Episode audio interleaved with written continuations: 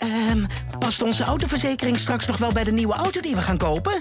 Of kunnen we met overstappen flink besparen? Genoeg van het stemmetje in je hoofd? Even Independeren. Daar word je altijd wijzer van. Vergelijk nu en bespaar. Welkom bij Independer. Hey, vind je ons leuk? Heb je ons wel eens geliked?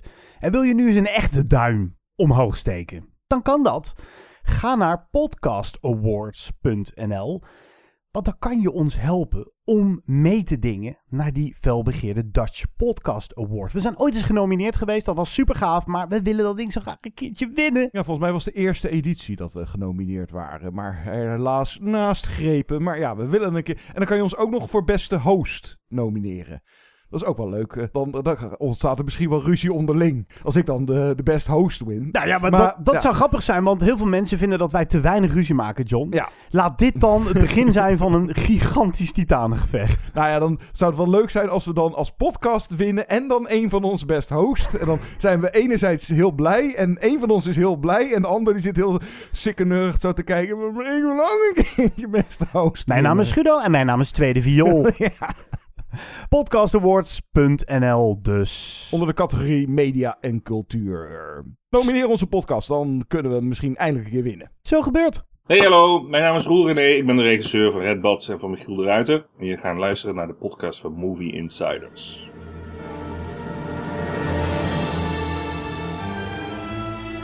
Good evening, ladies and gentlemen. We are tonight's entertainment. Movie Insiders. Why should I waste my time listening? Because I have a right to be. I have a voice. Groovy. Hallo allemaal, leuk dat je luistert naar deze nieuwe aflevering van de filmpodcast Movie Insiders. Die je iedere week vindt op ad.nl. Maar ook kan beluisteren via bijvoorbeeld Spotify of Apple Music. Mijn naam is John. En mijn naam is Guido. We hebben volgens mij weer een aardige show voor jullie samengevoegd. Samengevoegd? Steld? Samengesteld, moet ik zeggen. Ja. Kom ik nou weer op samengevoegd? Geen idee. Ik weet het niet. Het is, een, het is een bestaand woord. Het is niet dat je iets eh, nieuws bedenkt of zo. Maar, het Maar- is in deze context die- past het niet helemaal. We voegen wel wat bijzondere titels samen, Ja. want eh, strakjes Dear Comrades, en dat is een film uit Rusland die eerder dit jaar al te- even te zien was op het IFFR, digitaal gehouden filmfestival in Rotterdam, waar ik hem zag. Ik moest even mijn geheugen opfrissen, maar deze is wel de moeite waard om te bespreken. En we doen een top 5 beste Nederlandse films ooit. De beste Nederlandse films ooit gemaakt. En dat hebben we al eens eerder gedaan. Maar laten we net doen alsof we dat nou gewoon voor de eerste keer doen. Gewoon even met een frisse blik naar kijken. Nu we eh, nou, een paar jaar verder zijn. Wat meer Nederlandse films hebben gezien. Misschien zit er een titel tussen van nou, uit redelijk recente tijden. De aanleiding daarvoor is dat we, nou ja, zeg weer een Nederlandse film bespreken. We hadden eerst, nou, in de vorige aflevering De Veroordeling. Daar waren we allebei enthousiast over. Zijn we dat ook over de eerste, eindelijk eerste Nederlandse speelfilm over Anne Frank. Mijn beste vriendin Anne Frank. Ons komen ze niet halen. Wij staan op een lijst. Keine angst. En niet naar het achterhuis. Geloof je dat? Welk achterhuis?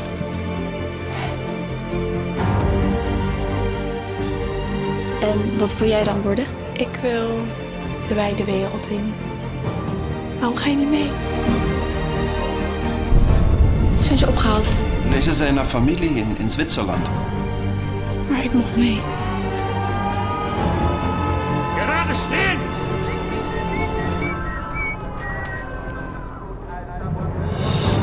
Ich habe euch nie anders erlebt als zusammen.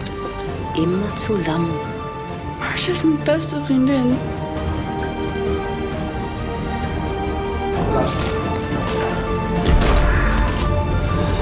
Ik spreek nu een keer wel tegen. Anne zit in het kamp naast ons. Ik moet er vanavond eten brengen. Anne? Annelie? Annelie, je bent er. Anne. Mijn beste vriendin Anne Frank is inderdaad verrassend genoeg pas de eerste Nederlandse film over de wereldberoemde Anne. Maar dit is niet weer wat we al kennen. Hier ligt de focus op en wordt het verteld vanuit haar boezemvriendin Hanna Goslar. We zien de twee typische tienermeiden dingen doen. Spelen, verkleden, jongens, jaloezie. Terwijl WO2 en de jodenvervolging steeds heftiger wordt. Wanneer de familie Frank onderduikt, verliezen ze elkaar uit het oog. Maar drie jaar later, in 1945, volgt een bijzondere ontmoeting tussen de twee in concentratiekamp Bergen-Belsen. De moedige Hanna zet haar leven op het spel om haar ernstig verzwakte vriendin te helpen. hey Guido, maar kunnen we dit eigenlijk wel een Anne Frank film noemen?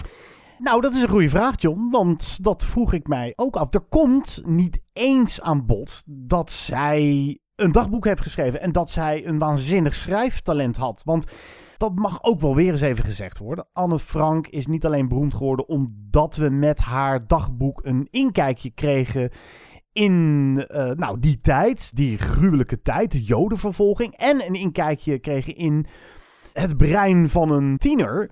Maar het was ook nog eens echt heel goed geschreven. Dit meisje had waanzinnig veel talent. En dat komt nou niet of nauwelijks aan bod. Het is een beide hand wijfie. Anne Ja. Frank in deze film. Ja, ze zou, eh, als ze nu had geleefd, dan had ze zo'n ADHD-rugzakje meegekregen. Ja, maar stel, het, het is bizar om dit te zeggen, maar stel je hebt nog nooit van Anne Frank gehoord. Dan is deze film een film over gewoon twee meisjes die eh, lol hadden met elkaar. Maar toen kwam de holocaust en toen eh, kwamen zij allebei in een concentratiekamp terecht. En dat was het. Dat zeg ik even heel oneerbiedig. Maar ik had wel wat meer Anne Frank willen hebben in een film over Anne Frank. En Ja, over nou ja. haar talent en wat haar zo bijzonder Ja. maakte. En wat die vriendschap zo bijzonder maakte. Dan kun je ook tegenover zetten. Ja, hallo. Het zijn gewoon twee tieners. Die gewoon het over jongens hebben. En over tongen. En eh, nou, dat soort dingen wat iedereen doet op die leeftijd. Maar je zou kunnen zeggen. Het wordt daardoor een universeel verhaal. Maar ik miste daardoor ook een soort uniek element. Dat dit meer maakte dan.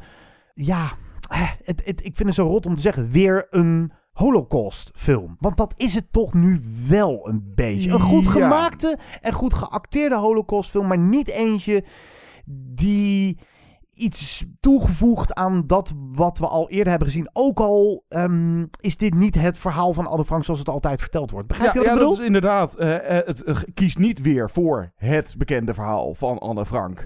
En ondergedoken in het achterhuis en de dagboek. Maar inderdaad, ja, dit is het verhaal van haar beste vriendin. En ja, Anne Frank, ze zit erin, maar ja, ze, ze is hier een bijpersonage bijna. Want dit is Hanna's verhaal en haar vriendschap met Anne. En ook het verhaal van Hanna. Het is echt zeker aangrijpend hoor. Maar je zou, ja, lullig gezegd, het is ook iets minder spannend dan het verhaal van Anne Frank. Hè? Daar je stil moeten houden in het achterhuis. En nou ja, de familie van eh, Hanna, haar vader, gespeeld door Roland Fernhout.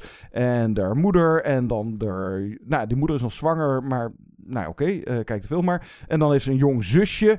En nou eigenlijk het overgrote deel van de film, of in ieder geval meer dan de helft, speelt zich af in het concentratiekamp Bergen-Belsen. En daar zit zij, Hanna, met haar nog steeds jonge zusje in het, nou noem het even, eh, betere deel van het... Het is een hele stevige ja, eh, ja. maar ja. De gevangenen, misschien voor uitwisseling voor gevangennaties, eh, zoiets. Eh, met andere vrouwen die daar zitten, veel ook uit Polen. En nou, die onderlinge band daar tussen die vrouwen wordt wel goed geschetst. En toch inderdaad daar ook het eh, moeten overleven. En maar proberen, of in ieder geval, nou, ze krijgen wel dagelijks voedsel. En dat deel waar Anne dan zit, eh, dan niet. Maar ja, het wordt dan afgewisseld met dus de flashbacks die Hanna heeft. Terwijl ze in Bergen-Belsen aan haar tijd met Anne in Amsterdam. En dat is inderdaad, nou ja, Joodse tieners tijdens de Tweede Wereldoorlog. En je ziet ze vooral echt ja, tienermeiden zijn. En daarin miste ik. Nou, het zat er wel in, maar het komt misschien onvoldoende over. De, de dreiging, de hele ernst van de situatie. En dat had ik ook een klein beetje in het concentratiekamp. Dat, je wordt er absoluut natuurlijk niet vrolijk van, maar het is allemaal zeker wel voelbaar. Maar het komt misschien ook doordat de film daar bewust voor gekozen heeft om het allemaal niet te zwaar of te sentimenteel te maken. En daardoor ook weer een rotwoord, eh, niet toepasselijk, wat toegankelijker. Hmm. En ik keek nog even naar de leeftijdskeuring voor deze film, is dan 12 jaar en ouder. En toen dacht ik ook van, nou, die had deze best misschien wel vanaf negen jaar en ouder kunnen doen. Maar het had als consequentie dat ik de hele film lang. Ja, het, het deed me wel. Maar eigenlijk pas aan het einde werd ik echt geraakt. Omdat we misschien ook voor het eerst, in ieder geval in de, de ik heb er twee of drie wel eerder gezien, in de- een film zien Anne Frank in het concentratiekamp. Haar eraf, zwaar vermagerd, komt om van de honger. En nou, Nou, dat, ja. dat kwam we. En daar was voor het eerst dat ik even, nou, niet, niet zozeer aan herinnerd werd, maar dat het echt even weer binnenkwam. Zo van, oh ja, shit, ja, dat met Anne Frank. En, Ja, gruwelijk. En ja. ik had daar wel wat meer moeite mee. Ik- tuurlijk, het is vanzelfsprekend ontroerend. En daar moet je als filmmaker denk ik niet te lichtzinnig over denken. Dat je denkt, nou ja, het is toch al ontroerend genoeg. Laten we niet te veel erbij halen nog. Want het, het verhaal spreekt voor zich. Ja, maar is de film en is de vertelling nu toch wel bijzonder genoeg... waardoor de urgentie ervan afdruipt waarom deze film gemaakt moest worden. En die voelde ik nergens. Ja, voor de jongere generaties. eh, Ja, maar er zijn er- zoveel. ja. Er is ook nog een, een gigantische theaterproductie gemaakt van Anne Frank, die ik heb gezien in Theater Amsterdam. Die was zeer de moeite waard. Eh, daar eh, konden kinderen met korting heen, zodat er ook hele scholen heen gingen. Zodat ook nou, nieuwe generaties bekend zijn met het verhaal. Dus prima en hartstikke goed dat dat verhaal levend wordt gehouden. Dat Maar snap of, ik helemaal. Ja, of het dit, deze film, of het hiermee voldoende overkomt. Nou ja, het, Je, je er al naar, we moeten misschien niet al te veel over zeggen, maar er vindt een curieus slot plaats. Iets waarvan je als kijker eigenlijk al weet, dit kan nooit echt zo gebeurd zijn. Dit is gedramatiseerd. En dat voelde ik dusdanig dat het ook onvoldoende bij me binnenkwam. Moet ik je zeggen. Natuurlijk is het ontroerend. Je ziet een tienermeisje doodgaan van de honger. Dat is, dat is al zo intens en, en zulke horror. Tuurlijk eh, voel je daar iets bij. Maar ik voelde gelijktijdig toch ook nou ja, de dramaturgen aan de touwtjes trekken hier. Snap je wat ik bedoel? En dat eh, zat mij een beetje dwars. En wij hadden een andere interessante discussie na afloop. En daar ben ik nog eens over gaan nadenken over anachronismen. Anachronismen zijn nou, bijvoorbeeld eh, Julius Caesar die een Swatch horloge om zijn pols heeft. eh, wat natuurlijk nog niet kon in die tijd. Nou, hier is vooral het taalgebruik. Ja, ik riep gelijk al na de film van tongen. Werd dat in die tijd, die term al gebruikt? Ja, maar er zitten nog wel meer van dat soort kreten in. Ja, en ze gedragen zich, eh, de twee tienermeiden, ook ne- net, net iets te hip. Ja. Ja, en het voelt daardoor net ook niet authentiek genoeg aan. Aan de andere Ja. kant denk ik dan ook weer... Anne Frank wordt hier niet als een tutje neergezet. Het is geen tuttige film ook. Nee, in dat opzicht is het wel authentiek. eh, en, eh, ja, ja. dat is wel weer zo. En Anne Frank hoeft ook niet eh, je ideale buurmeisje te zijn. Weet je, zij is best wel bij de hand. En best ook wel, zelfs wel een beetje irritant. Ja, losba- zou je kunnen zeker zeggen. losbandig. En Losbandig. dan is die Hanna iets meer conservatief. Ja, ja Conservatieve. En, die ergert zich ook wel eens een beetje aan, Ja, dus aan haar beste tussen- vriendin. Ja. Eigenlijk gaan ze met de laatste keer dat ze elkaar zagen, was, hadden ze een soort van ruzie, geloof ik. Eh, nou, Ja, en dat ging toen ook over. Ja, Anne Frank is gewoon. eh, ze is jong en geïnteresseerd in seks, bijvoorbeeld. En eh, weet jij hoe kinderen gemaakt worden? En dat ze dan zo'n boek heeft gevonden met plaatjes van geslachtsdelen erin. En. haar conservatieve vriendinnetje Hanna wil daar niks van weten. Dus ja, is het een aardige film over tieners? Ja, is het een aardige film over tieners in die tijd? Ik weet het niet. Een beetje. Ja, is het een aardige film over... Nou ja, kijk, eh, je kan bij deze film natuurlijk ook bedenken dat je er maar gewoon vanuit moet gaan dat iedereen het verhaal van Anne Frank Ja, kent. maar En- dan nog ja. vind ik dat je er niet helemaal aan ontkomt. Dat je. Anne Frank was niet zomaar iemand. Nee. En ze hebben haar nu ehm, gewoon zomaar iemand gemaakt. En daar is wat voor te zeggen, maar daardoor mist de film toch ook een soort punch. Een soort iets waardoor je. Ja, het mist impact. Of- Ja, het, het gevoel hebt dat dit eh, verteld moest worden. Dat ontbrak er voor mij een beetje aan. Het, het, het is wel heel goed gecast ook. Want die twee meisjes, ja, de namen eh, hopelijk ja, eh Josephine. Arendsen speelt Hanna en Aiko Beemsterboer is Anne Frank. Ja, en die Beemsterboer die zagen we al heel even in een aardig bijrolletje in de Luizenmoeder film. Daarin speelt ze die stagiair, die bijhand stagiair. En dit is wel echt een talentje. En die gaan we meer zien. Beide zijn talentjes. Ja, ze zijn allebei echt hartstikke goed. De dialogen die ze in de mond gelegd krijgen. Nou, daar zal geen gouden kalf heen gaan, vermoed ik zo. Tenminste, ik zou hem niet geven. Maar ja, zij... Ja, het script. Ik denk dat het, het script. het- Dan is, ja. is dat niet een, het zwakste punt? Ja, Ja. Ja. het script komt er gewoon niet helemaal lekker uit. De regie van Ben Sombogaard is eh, verder eh, Degelijk. prima. Ja, hij heeft eh, een aantal jeugdfilms gedaan, waaronder Abeltje, Het Zakmes, Kruistocht in Spijkerbroek. En hij deed dan De Tweeling en Brightfly. Dus nou, die, die man heeft echt zijn strepen wel verdiend. Dus die, die kan echt zo'n wel regisseren. Maar ja, gewoon de hele film, het voelt me allemaal net iets te generiek. Het is... Het, Ja. Niks, niks eh, komt echt hard genoeg binnen. Eh, aan de andere kant, je zou het kunnen prijzen van we gaan niet voor de te zware aanpak of zo. Ja, het is nog steeds niet leuk om naar te kijken of zo. Uiteraard niet. Maar je had hier natuurlijk echt zo'n ik, eh, Son of Saul-achtige eh, aanpak kunnen doen. Dat Ja, wel dat weer is heel radicaal. helemaal heel radicaal. Maar ja, dat had misschien inderdaad ook wel niet, niet gepast. Want je voelt constant bij het kijken naar deze film dat het. Nou, ik denk de voornaamste reden waarom deze ge- gemaakt is. Sowieso, er moest een keer een Nederlandse Anne Frank film gemaakt worden. Maar de manier waarop ze het gedaan hebben is om. Nou, dus de nu jongere generatie. Om eh, het toegankelijk soort van. Ja, er is wel op de rem getrapt. Ja. Maar dit had een must moeten worden. En ik heb niet het gevoel dat ik nou hier in deze podcast moet roepen... het is een must-see. Dat had gemoeten. Straks een bespreking van het Russische Dear Comrades. En we doen de top 5 Nederlandse of Nederlandstalige films aller tijden.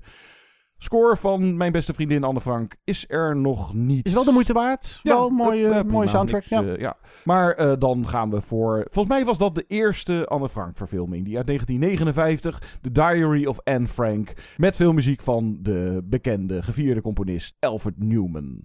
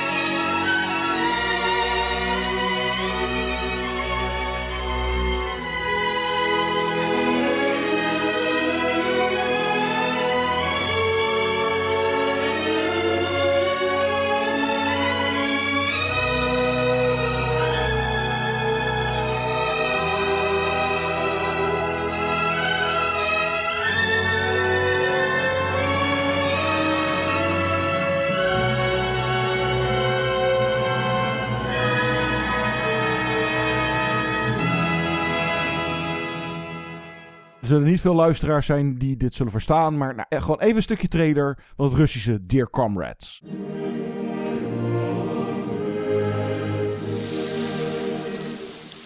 Доктор, девочка, я вот ее найти не могу. Говорил, все о нем.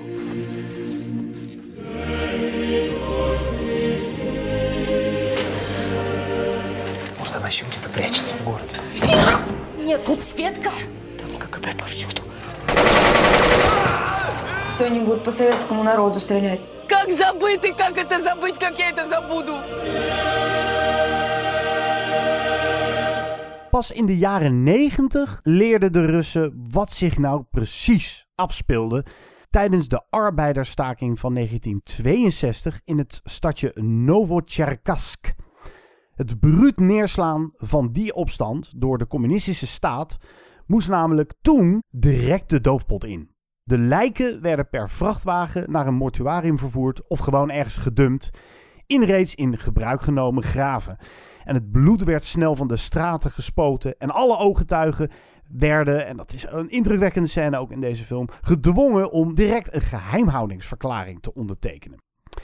Gewaagd aan Dear Comrades, er wordt hier niet gekozen voor het perspectief van de boze burger, maar juist van een partijbestuurder en toegewijd communist. Die loyaliteit wordt op de proef gesteld wanneer deze Lyudmila, gespeeld door Julia Vitse- Vitsotskaya. Fiets op de fiets. Vitsotskaya. Ah. Na het bloedbad haar dochter nergens kan vinden. Het gaat over een complex stukje geschiedenis. John, kun je het een beetje volgen allemaal? Nou, het was eh, vooral in het begin. eh, je moet even. Van, nou, het speelt oké in de Sovjet-Unie in de jaren 60. En dan vooral. Nou ja, je hebt de Communistische Partij. Waar die Lyuda. eh, dat is dan de afkorting van eh, het personage. De hoofdrolspeelster. Een medewerkster. Nou, of in ieder geval op het. Laten we even zeggen daar. Het stadhuis. Lid van de Communistische Partij. En dan de, er heerst onvrede onder die werkers van. Wat is het? Een locomotieffabriek. Of nou, iets met eh, treinen. En nou, die gaan staken omdat eh, hun loon wordt eh, verlaagd. Terecht. Maar dat, dat, dat kon allemaal niet natuurlijk eh, in de Sovjet-Unie. Nou, dan komt de KGB erbij kijken. Maar ook het leger. En dat, dat zijn ook weer twee aparte takken van het Russische apparaat. En dan vinden er een aantal bijeenkomsten plaats. Waar overleg wordt gepleegd. Nou, bureaucratie en dingen meespelen. Dan vindt dat bloedbad plaats. En ondanks dat het eh, vaak lastig inderdaad wel te volgen was van wie is dat en eh, die is van oké, zus en zo. En heel veel poppetjes in beeld. Eigenlijk vanaf het begin af aan gaan we met de focus op die Liuda. Dat is het interessante. Zij is nog echt wel een beetje van de, de oude garde communist. En ze, ze roept ook geloof ik twee keer van... Ja, ik mis eigenlijk gewoon de tijd van Stalin. En bij haar in huis zou je kunnen zeggen drie generaties. Je hebt ook nog haar bejaarde vader.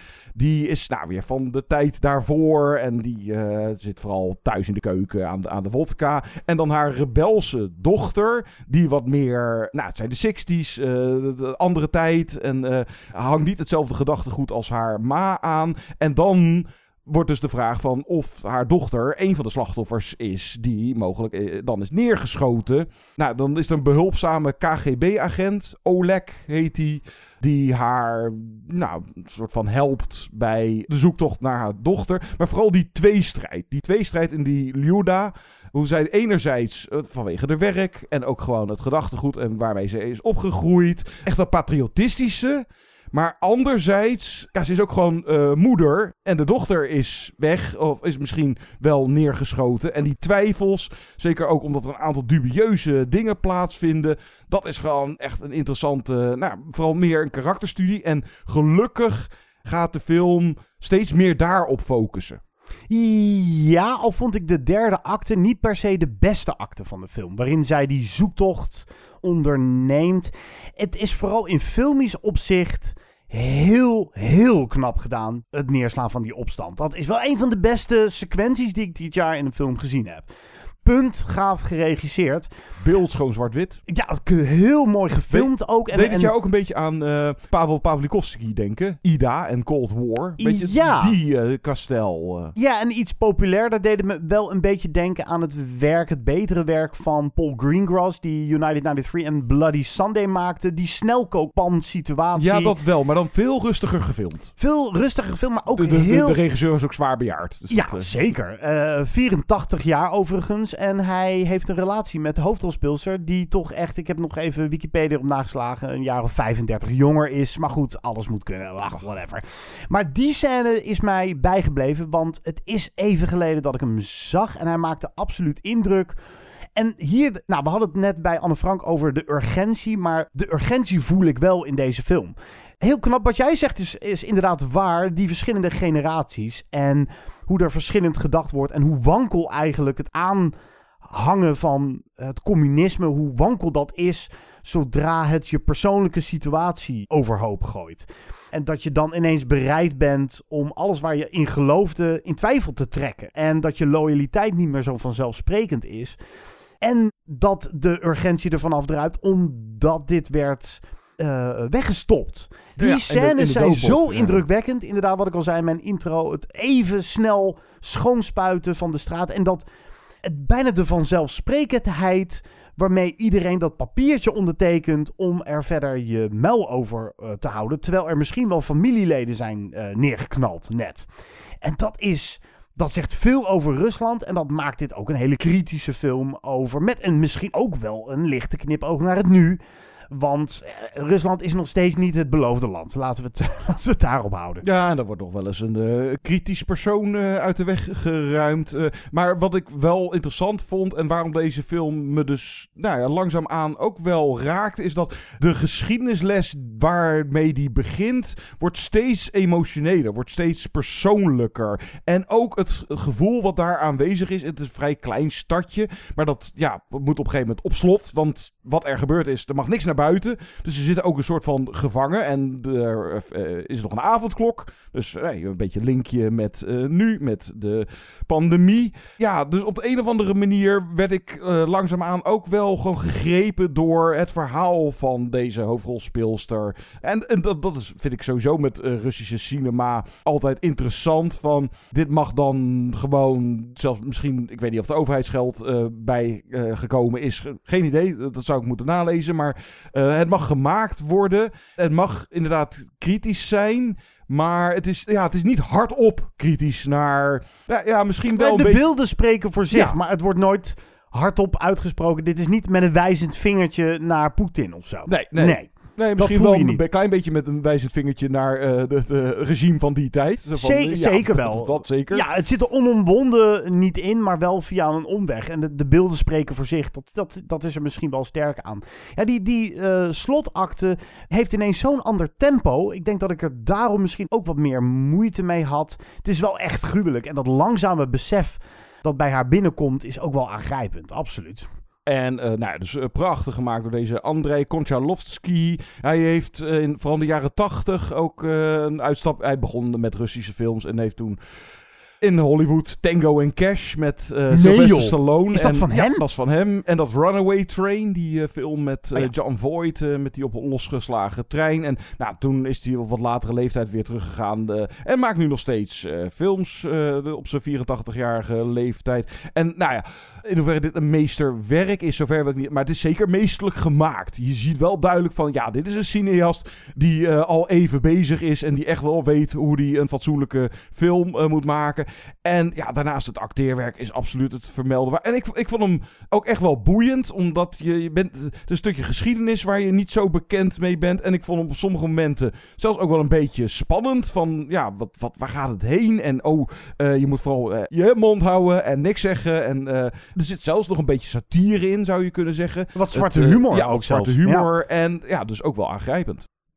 Straks de top 5 beste Nederlandstalige films. Jij hebt Nederlandstalig gedaan, ik gewoon echt Nederlandse films. Ja, ik heb Vlaanderen er maar even bijgerekend. Nou, dat, dat, dat vergroot het veld wel uh, enorm. Had Ja, is, dat, is dat zo? Is dat zo? Ja, nou ja, ja hm. we gaan het zo horen. Eerst maar eens even wat muziek. Ja, Dear Comrades zit nou, volgens mij geen score in. En ja, dan ga je zitten zoeken van deze regisseur, Andrei Konchalovsky. Eerder werk. Nou, dat is een film van hem uit ons geboortejaar 1979. Siberiade. Die heb ik nooit gezien. Of, nou, dat moet er sowieso nog een keer van komen. Dat is ook wel, geloof ik, een meesterwerk. Maar dat ding duurt 4, 5 uur. En de componist daarvan, Eduard Artemjev. En dan ga je dat op YouTube zitten opzoeken, die score. En dat zet je aan. En dan is echt zo van... Hè? Dit deuntje ken ik. Maar hoe kan dat? Ik heb die film nooit gezien. Ik heb die soundtrack nooit geluisterd. En wat blijkt nou? Dat is in de house remix gegooid. Dus als je wel eens een keertje naar een goede stevige house party bent geweest, dan ken je dit waarschijnlijk.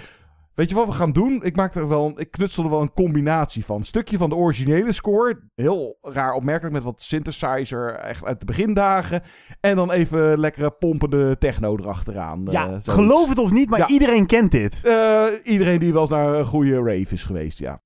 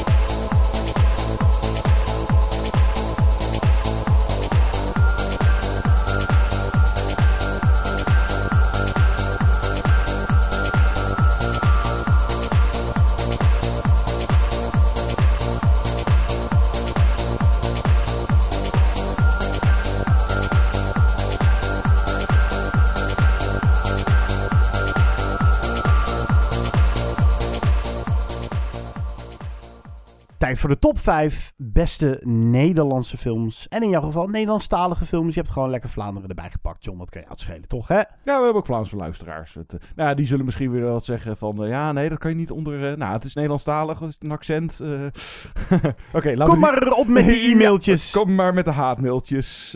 ja, kijk, sowieso hebben we in het verleden niet heel veel Nederlandse films in deze podcast besproken. Omdat... Nou ja, daar kwam ik nu een beetje. We doen het nu meer omdat de Nederlandse cinema het ook meer verdient. Zou nog bijna een ja of nee stelling kunnen zijn. Dat de Nederlandse film doet het weer goed. Ook aan de box office. Naast al die romkomkommertjes. Uh, is het inhoudelijk en kwalitatief ook wat interessanter spul. Wat we bijvoorbeeld dit jaar al zagen met Slag om de Schelde, De Oost. Uh, vorige podcast, De Veroordeling. De Luizenmoeder. Uh, nou, deze podcast, de Anne Frank film. Dus het is ook meer dat ik het nu wat meer zie.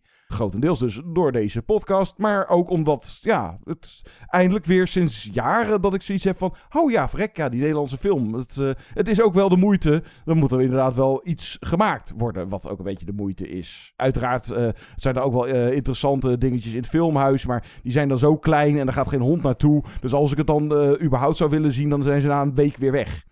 Maar we hebben vaak, vorige week dan de veroordeling ja. besproken. En daarvan kunnen we echt zeggen, ja, ga daarvoor naar de bioscoop. Dat is gewoon een, een dijk van een film. Ja, en de Slag op de Schelde, als die nog draait, gaan we in de bioscoop kijken. Dat uh, verdient hij ook. Absoluut. En we zijn nog niet klaar, want er komt nog een Alex van Warmerdam film aan. En Alex van Warmerdam komt misschien wel voorbij in deze top 5. You never know. Nou, het zou zomaar kunnen. Zal ik aftrappen met mijn nummer 5? Uh, doe dat. Nou, ik wilde in ieder geval een film um, erbij pakken die recent is. Dus ik ga niet uh, alle voor de hand liggende titels hier noemen. Ik wil nog eens in het zonnetje zetten het prachtige, kleine, gevoelige en daar gaan we dan. Uh, mogen we het één keer, we mogen het allebei één keer zeggen. On-Nederlands goeie. Dat is deze top 5. On-Nederlands cinema. Ik ga voor Boulado. Ah, die moet ik nog zien. Ja, ja, ja. die is echt heel mooi. Het is... Oh, die valt dan weer niet onder Nederlandstalig. Het, uh, ja, dat okay. is waar. Maar het is wel een Nederlandse film. Ja. Het nou, is een Nederlandse film. Ja, ja, als je Curaçao onder Nederland rekent. Ja, well, ja nou, ja, het is ook wel weer een discussie. Maar goed, ik heb geen Vlaamse films in mijn top 5, dus laat dit mijn uitstapje dan zijn. Een film die zich afspeelt op Curaçao en eens een keer niet alleen maar uh, de mooie stranden met het blauwe water laat zien, uh, waar uh, de lokale bevolking zich voor uit de naad werkt om iedereen het naar de zin te maken, maar ook echt de, nou, de arme kant van Boulado. En het gaat over een meisje, Kenza, een jonge tiener. Haar moeder is overleden en zij zit eigenlijk. Ja, zij vindt zichzelf, dus het is een coming-of-age film. En ze zit daarbij een beetje tussen twee vuren. Haar vader is echt zo'n rationele man. Een politieagent. Wordt gespeeld door GTST-acteur. Ik kan het ook niet helpen. Everett Jackson Hoy. Uh, goede rol. Ik ken hem verder niet zo heel erg goed. Ik kijk nooit naar goede tijden, slechte tijden. Jij, John? Volg, uh, nee. volg jij dat? nee. nee. Uh, maar goed, het bestaat nog steeds. Het bestaat ik, nog steeds. Ik, ik verbaas zeker. me daar ieder jaar weer over. Oh, dat bestaat nog steeds. Het bestaat nog steeds. Dus uh, de ratio aan de ene kant en nou ja, het irrationele dat gaat wat ver, maar haar opa is heel spiritueel en van het mystieke. En hij probeert haar juist ervan te overtuigen, joh, je moeder leeft nog of leeft nog voort. En hij is van de gekke kunst en van de rituelen. En zij zit nou niet gevangen daartussen, maar zij vindt gaandeweg in de film in, de, in het rouwproces daar een mooie middenweg in. Het is zo'n piepklein filmpje die ook heel mooi artistiek gemaakt is. Met prachtige filmmuziek en mooie beelden. Nou ja, Curaçao, dat heb je al snel. Maar ja, knap geregisseerd en uh, terecht de winnaar van uh, het Gouden Kalf voor de beste film. En volgens mij, dat is altijd... Kijk, als een film de Oscar voor beste film wint, dan gaan mensen wel zien. Maar ik heb niet het idee dat Boulado na het winnen van de Gouden Kalf... dat, dat iedereen massaal naar de bioscoop holde. Nee, hij is wel redelijk bekeken, geloof ik. Nou ja, laat het nog eens een, uh, een aanmoediging zijn. Ja, ik moet, hem, ik moet hem ook nog steeds zien. Dus uh, ja, had ik die gezien dan... Uh, want ja, we hebben deze top 5, dus nou ja, niet helemaal in deze vorm, maar wel eens eerder gedaan. En dan, ja, ik kom toch op weinig verschil uit met die vorige versie. Nou ja, ik heb er Nederlandstalig dus van gemaakt. Maar ja, mijn voormalig nummer 5 valt weg. Dat was, nou, daar kan ik ook een heel betoog over houden. Dat blijft fantastisch. De Vliegende Hollander van Jos Stelling. Maar die valt weg. Oh ja. En dan uh, nu mijn nummer 5. Hé, hey, daar is Alex van Warmerdam. Dan gaan we gewoon nog steeds voor zijn debuutfilm Abel uit 1986. Uh, ja, en Alex van Warmerdam is denk ik uh, nog steeds een van de weinige echte filmauteurs met een echte unieke stijl hier in Nederland. Daar hebben we er gewoon nou eenmaal simpelweg niet zo heel veel van. Er niet Dat- zo heel veel van. Misschien hebben we er... eh, Twee, hij is echt uniek. Ja. Zijn, zijn gevoel voor humor, zijn gevoel voor dialoog. Het is eigenlijk een theaterman, Alex van Warmerdam, die ook de Abel wilde laten maken door een, eh, een andere eh, echte cineast. Tot hij werd overgehaald om Abel zelf eens te maken. G- gelukkig is dat gebeurd, want hij heeft daarna nog veel films gemaakt, ook gebaseerd op zijn eigen theatervoorstellingen. Ja, nee, inderdaad. Ja, zijn zwa- eh, zwarte humor, eh, licht surrealisme, vooral absurdisme. En in Abel, eh, nou ja, bijvoorbeeld dat hij speelt zelf dan Abel en dan eh, dat dansje wat hij gaat doen en dan eh, zijn moeder gespeeld door, is dat Olga Zuiderhoek of die andere? Ehm, Olga Zuiderhoek, ja, volgens mij. Ja. De- de- de- Of uh, Annette Malherbe is dat, Eh, nee, nee, nee. Die speelt eh, het, eh, de love interest. Oh ja. Het, eh, het meisje wat die... eh, ja. Hij is een beetje weggezakt. Ja, inderdaad. Moet ook weer. En dan zet ze de muziek af. Zo. En nu weer praten. Ja, dat soort eh, dingen. En eh, nou ja, Abel blijft wel mijn favoriet van hem. Maar de Noorderling is ook. En eh, van de. Nou, sinds de eeuwwisseling. Want ik heb geloof ik geen Nederlandse. Oh, spoiler. geen Nederlandse titels sinds de eeuwwisseling. Maar dan was ik wel graag voor zijn Borgman. Die ik volgens mij inmiddels drie keer heb gezien. En ja, die wordt ook steeds gaver hoor. Ja, maar ook Ik, Kleine mag ik, Teun. Mag ik bij u even een bad komen bad komen nemen. Maar Kleine Teun Oh, vind ik heel ja, goed. ik en ik heb een zwak voor Grim. Dat is een van zijn meer maffe, meer filmische films. Oh, dat is de enige van hem die ik nog niet... Oh. Ja, ik heb al Hey. zijn werk gezien, behalve Grim. Met Halina En- Rijn is dat en Jacob Ja, Derwig. en dan, eh, wat is het? Eind deze maand zijn tiende film, nummer 10, komt uit. Beetje Fellini nadoen. Die zijn eh Ja, Otto en Mezzo. eh. 8,5, ja. Mijn nummer 4 is ook al eerder voorbij gekomen in, eh, nou, toen we deze top 5 jaren terug deden. Een animatiefilm. Als je begrijpt wat ik bedoel.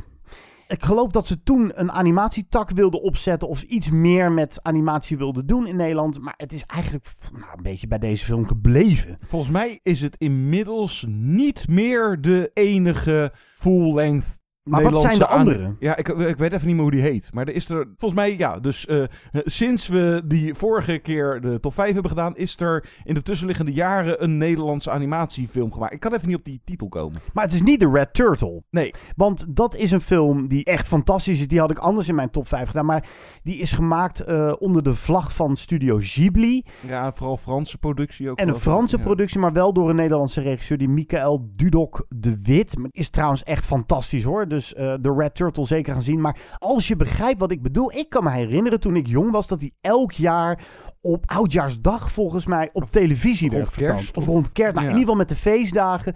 En ik kon er op een gegeven moment niet meer naar kijken, omdat ik er zo enorm emotioneel van werd. ah, dat ik hem gelijk uitdeed. Want de tranen, ik kreeg al van die vochtige ooghoeken als ik gewoon alleen al... Olivier B. Bommel is eh, daar de hoofdrolspeler van Martin Toonder. Dat is een bekende stripfiguur. En Tom Poes heb je dan. En dan gaat het in deze film over eh, de zwelbast, een draak. En een heel schattig draakje, maar die mist natuurlijk ook zijn moeder. Dus als eh, Bommel, als surrogaatvader te werk gaat, weet hij ook op een gegeven moment moet hij afscheid nemen van Zwelg. Zwelgje. Oh ja, jij, jij doe het nog eens? Zwelg. Ja, dan moet ik dus nu bijna huilen. Ja, oh. Wat een prachtige film is dit. Het is echt een hele mooie en ook echt niet zo'n hele zoete film. Het is nee, het best is geen een Disney of zo. Nee, Eh, nee. hoewel Disney ook wel wat gewaagder spul heeft gemaakt. grimmig eh, vind ik weer eh, wat te ver gaan. Maar Ja, het is wel een film met een randje hoor. Jeugdsentiment. Als je begrijpt wat ik bedoel. Ik ga voor mijn nummer 4 naar karakter, die ooit eerder, whatever, nummer 2 was. Uit 1997 van regisseur Mike van Diem. Die een Oscar won voor. Toen was dat nog best voor een language. En dat was ook de laatste keer dat wij Nederland een Oscar wonnen voor. eh, nou, in ieder geval in die categorie. Gebaseerd op het boek van Boordewijk. Met Vetja van Huwet. Hé, hey, dat is Vetja weer. Eh, volgens mij was dat een van zijn eerste rollen. Zeker, Misschien net niet zijn debuut. Niet zijn debuut. Nou, weet ik even niet meer.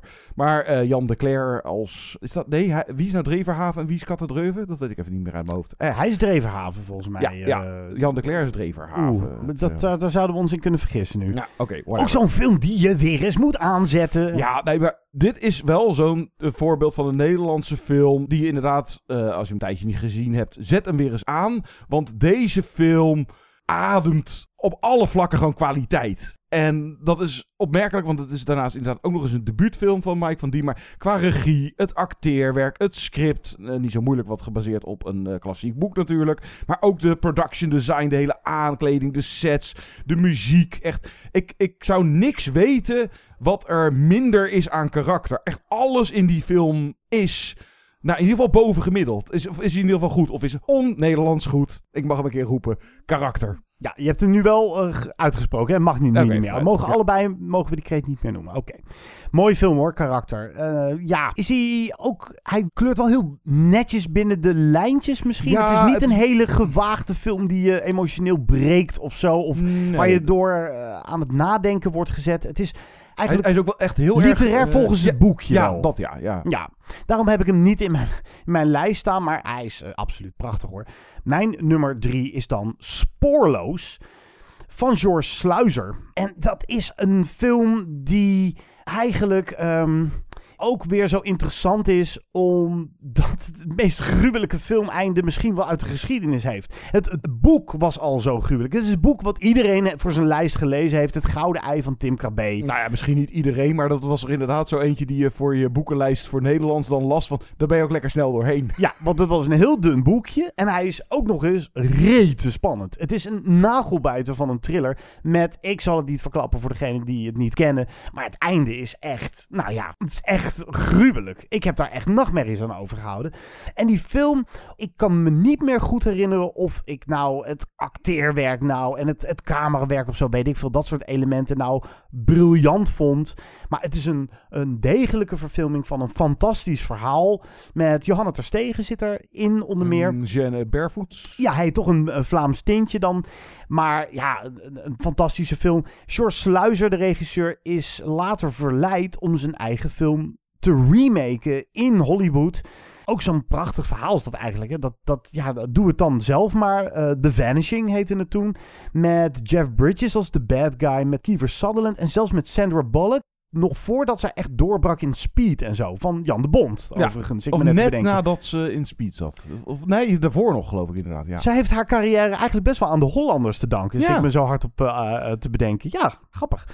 Maar goed, dat was een film waarin George Sluizer, daar heeft hij in interviews heel veel over gezegd, werd gedwongen om dat gruwelijke einde, Een happy end. om daar een happy end van te En buigen. neuk je gewoon de hele verhaal van de hele film Ja, mee. Dat, ja. Het, de hele angel eruit getrokken. Dus sla die over. Ja, die, die film zelf, want het was best nog wel degelijk eh, gedaan. Het lag echt ook niet Jeff aan de Bridges, kom op. Of, eh, weet ik wat. Maar dan ja, brei je er inderdaad zo'n happy end aan. En dan bam, niks blijft ervan over. Ja, we dansen echt om de spoilers heen. Maar nou ja, of je nou de film moet zien, lees dat boek gewoon een keer. Je hebt hem inderdaad in een dag uit en je krijgt daar echt geen spijt van. Dat beloof ik je.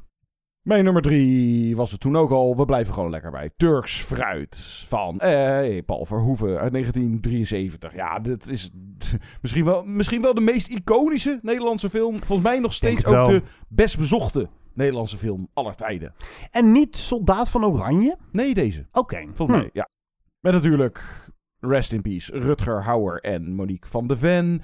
En ja, ja... Zij leeft nog, hè? Even ja, nee, uiteraard. Het, eh, ja. Maar eh Paul Verhoeven en waar die eh, in de loop van zijn carrière ook... dat werd een beetje zijn, zijn stokpaardje. En dat, dat merkte je direct al in deze film. Dat stoute, dat provocerende. Maar het bijzondere, en dat vergeten vaak heel veel mensen... of zet hem nog eens een keertje aan... of lees het boek van Jan Wolkers, waar het natuurlijk op gebaseerd is. Maar Dat nog is- veel stouter was. ja, maar het is emotioneler dan je waarschijnlijk je kan herinneren. Dit is echt een tragisch liefdesverhaal. Eh, want, nou ja, er, komt gewoon ziekte en overlijden bij kijken. En, en de meeste mensen die hebben volgens mij Turks Fruit altijd een beetje dat vrolijk op de fiets door Amsterdam. Met dat eh, muziekje van eh, Toets Tielemans erbij. En het is een losse film en stout en eh, met veel humor. En ik rits mijn lul tussen mijn rits. rits mijn lul tussen, Tussen mijn rits, Ja, ja. ja, ja, inderdaad.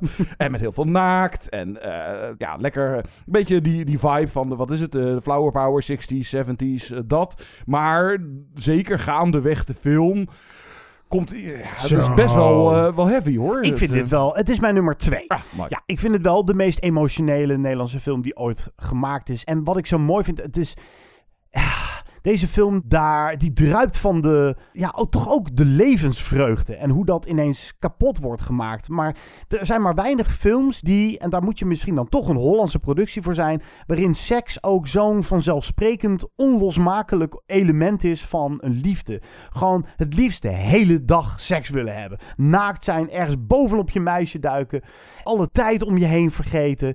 Dat maakt die film zo prachtig voelbaar. Ik ken geen andere films. En Amerikaanse films. Dat kon niet Daar, daar- nee. ja, dat, die zijn veel gekuister natuurlijk allemaal. En En, eh, hier... sowieso zijn we hier in Nederland. eh, Zo'n Turks fruit, zou die nu nog gemaakt worden? Nee, ja, dat is een hele goede vraag. eh, Ja. Zoals Paul Verhoeven al geloof ik zelf. ja, we zijn allemaal veel preutser geworden.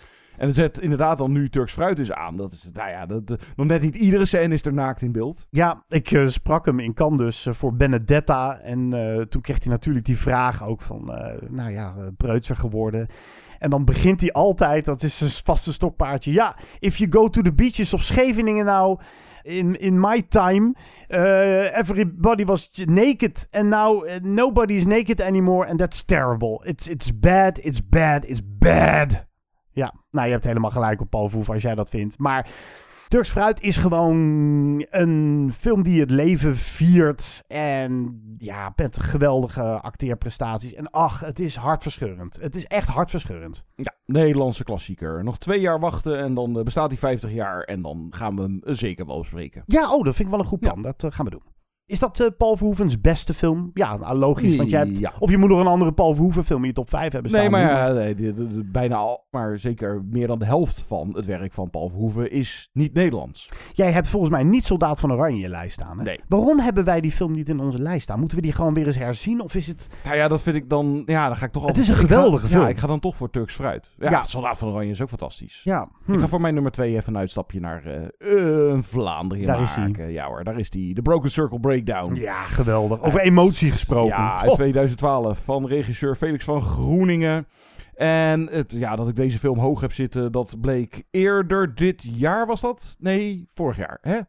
God, die hele pandemie heeft mijn hele, mijn hele tijdsbelevenis door elkaar geflikkerd. Vorig jaar Je zal was niet de toch? enige zijn, De- de- eh, die ik top ken het. 25 van de tientjes. Ja, volgens mij wel. Ja, dat was niet dit jaar, want het is inmiddels 2021 zitten we nu in, Ja, nee, voor alle was- duidelijkheid. Dus dat was vorig jaar. Ja, ja, inderdaad. Ja. Eh, toen stond hij nog in die eh, top 25. En dit gaat over, nou ja, laten we ze een beetje kort door de bocht. Een apart stel noemen. Zij, Veerla Batens, is een meid die helemaal onder de tattoos zit. En ze werkt in een tattoo shop. En daar loopt op een dag, nou, hoe eh, hoe heet hij nou weer? Didier, geloof ik, of zoiets.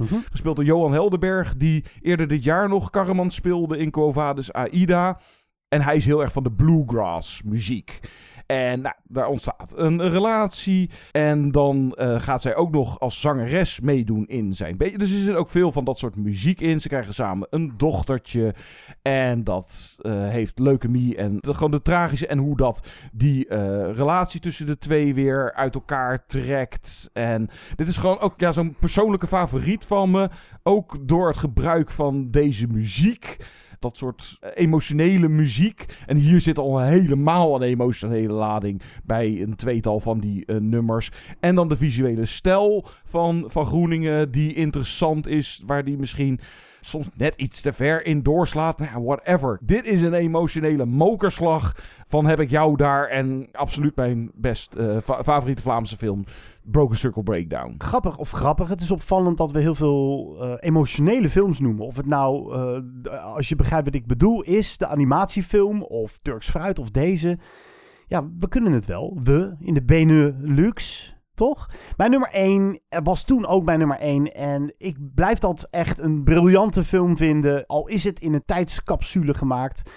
En is het een tijdscapsule als je terug wil gaan naar de jaren 60? Het is Alleman van Bert Haanstra. En Bert Haanstra, voor degene die niet weet wie hij is, was echt een van de meest gevierde cineasten van ons land. Hij is er al lang niet meer. Hij maakte ook Van Varen, is heel beroemd. Dat is wel een beetje een tuttige film misschien nu. Korte documentaire Glas, die won een Oscar. Glas won een Oscar en deze film, Alleman, kreeg een Oscar-nominatie en won de Gouden Beer op het Filmfestival van Berlijn. Ah, Jazeker. Dus, en, en een BAFTA-nominatie, geloof ik. Dus het deed wel echt uh, mee aan de, het hele awardcircuit. Ja. Oké, ja, over filmfestivals gesproken. Hoe, hoe doe je dat nu vanuit Venetië?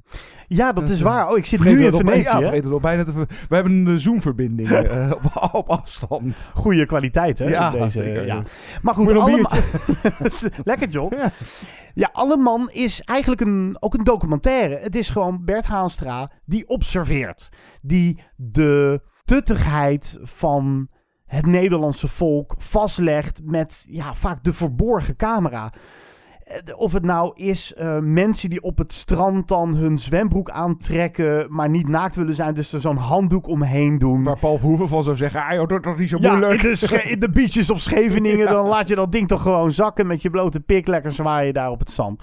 Maar dat soort dingen, het is gewoon briljant geobserveerd. Maar zijn er ook scènes dan in de dierentuin? Of dat was dan Zoo heette die? Ja, Zoo. Ja. En dat is weer een korte documentaire. Deze heeft bijna speelfilmlengte, ik geloof. Ja, volgens mij wel anderhalf uur, dacht ik. Ja. Bijna anderhalf ja. uur. Ik dacht 70 of 80 minuten of zo. Met dan de vertelstem van? Simon Carmichelt. Ja, dat is toch ook niet uh, de minste. En... Maar vooral een tijdscapsule, inderdaad. Van, ja, zo is Nederland echt al nou, decennia natuurlijk niet meer. Maar... Zeker, en het was ook net voor het uitbreken van de flower power hippie tijd. Dus het is ook...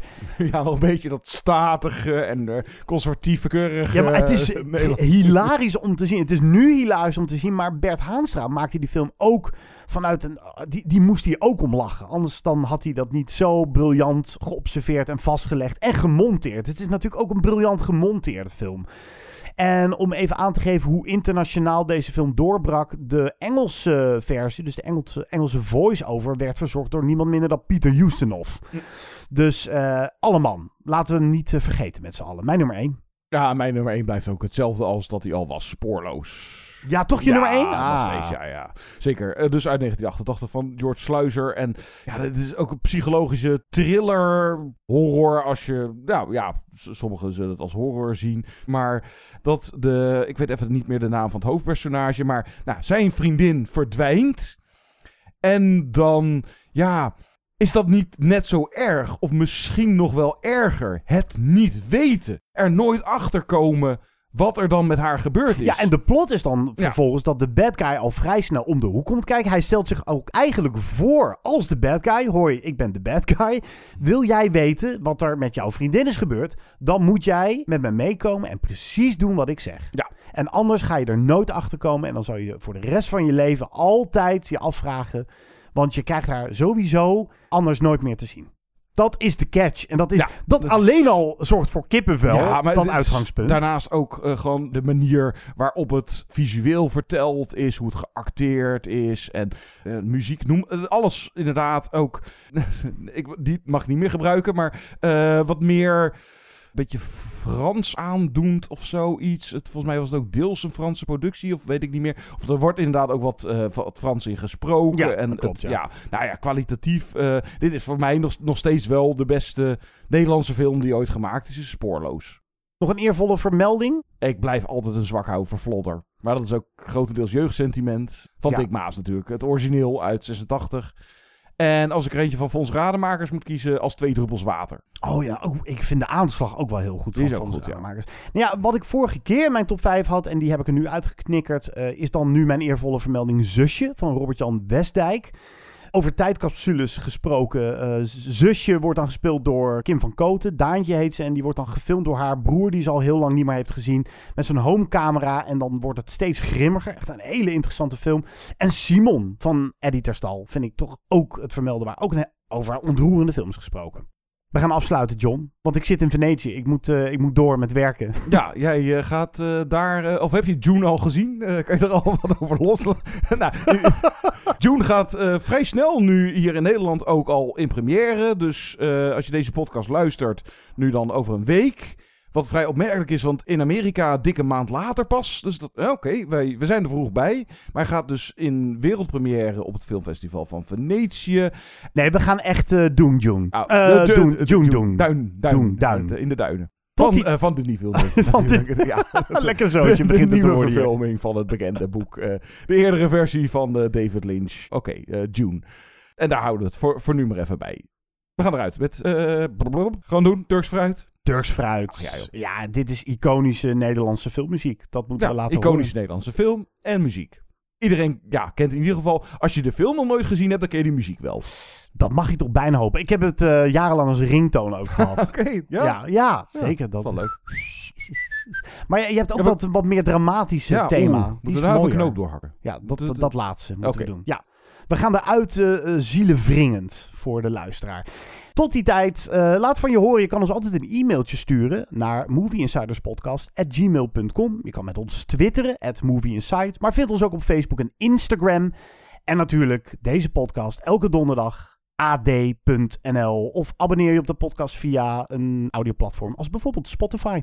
Ja, en ga nog even naar podcastawards.nl, zodat wij een keer een mooie prijs gaan winnen. Oh, leuk. Ja. Yay. It's not an honor just to be nominated. It's only an honor to win that damn thing. Ehm, ja, wie weet zou leuk zijn. Tot de volgende keer. Ciao.